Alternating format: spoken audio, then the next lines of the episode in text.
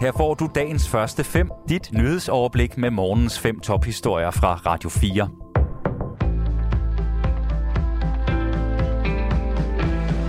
Godmorgen, det er fredag den 11. maj, og mit navn er Anne Viefeldt.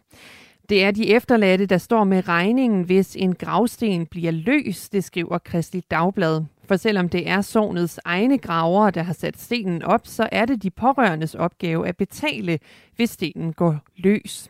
Og det møder kritik fra både pårørende og fra flere præster. Søren Abilgaard, der er formand for Landsforeningen af Menighedsrådet, siger dog til Kristelig Dagblad, at han har fuld tiltro til, at menighedsrådene ude i sovnene håndterer situationerne omkring sikring af gravsten forsvarligt.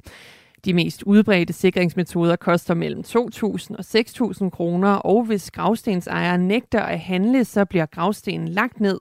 Det sker også på gravstedsejerens regning. Løse gravsten skal sikres for at undgå ulykker, og fokus på sikring af gravstenen kom efter en toårig dreng i 2016 mistede livet på Vestre Kirkegård i København, da en 200 kilo tung gravsten væltede ned over ham. Ulykken den medførte en opfordring fra daværende kirkeminister Bertel Hårder til landets menighedsråd om, at vakkelvogne gravsten skulle sikres. Tjekkiet er blevet valgt til at erstatte Rusland i FN's menneskerettighedsråd. Det står klart efter en afstemning i FN's generalforsamling, og Thomas Sand fortæller. Rusland blev suspenderet fra FN's menneskerettighedsråd i sidste måned på grund af invasionen af Ukraine. 93 ud af generalforsamlingens 193 lande stemte dengang for at suspendere Rusland, mens 24 stemte imod. De resterende medlemslande afstod eller deltog ikke i afstemningen. Rusland var i gang med andet år i rådet, hvor landene vælges for tre år ad gangen. Tjekkiet skal nu fuldende Ruslands periode.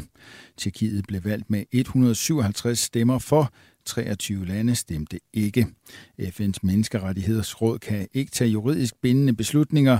Rådets formål er primært at fremme og beskytte menneskerettigheder på verdensplan, samt at påpege og grænske overtrædelser af menneskerettigheder og lave anbefalinger til regeringer. Rådet består af i alt 47 medlemslande, og landene de vælges ind i rådet i treårige perioder. Danmark er i øjeblikket ikke en del af rådet. Rusland blev i går ramt af en usædvanlig bølge af opsigelser blandt guvernører i forskellige regioner landet over, det skriver det tyske nyhedsbyrå DPA.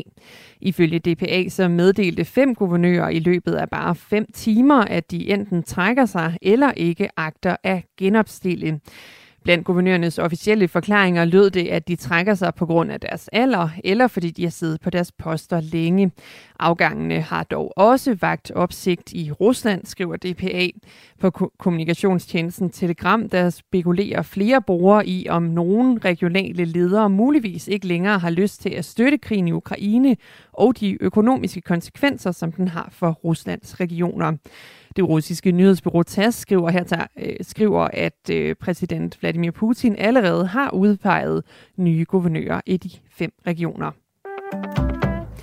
Hvis du gerne vil besøge New Zealand, så er der godt nyt. Landet fremskynder nemlig genåbningen af sine grænser for turister med to måneder. Det oplyser landets premierminister Jacinda Ardern ifølge nyhedsbyrået Reuters. New Zealand planlagde først at genåbne grænserne for alle visumrejsende til oktober, men det er nu blevet ændret til august. Landets grænser har været lukket siden 2020 for at bremse smitte med coronavirus. For andet år i træk kommer Danmark ikke med til finalen i Eurovision Song Contest. Det står klart efter det ikke er lykkedes for rockbandet Ready at gå videre fra semifinalen i går aftes, hvor 17 lande dystede om 10 pladser i finalen. Og det ærgede bandets trommeslager Han Haidar, at de ikke kunne sikre dansk deltagelse i Eurovision-finalen. Det har bare betydet så meget for mig, og jeg troede virkelig på det. Men det er okay.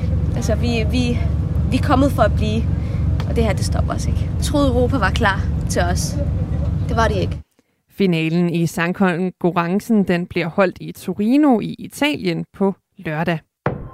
Dagens første fem er tilbage igen i morgen tidlig. Hvis du har brug for en nyhedsopdatering inden da, kan du altid fange os i radioen, på nettet og i vores app. Vi høres ved til dagens første fem fra Radio 4.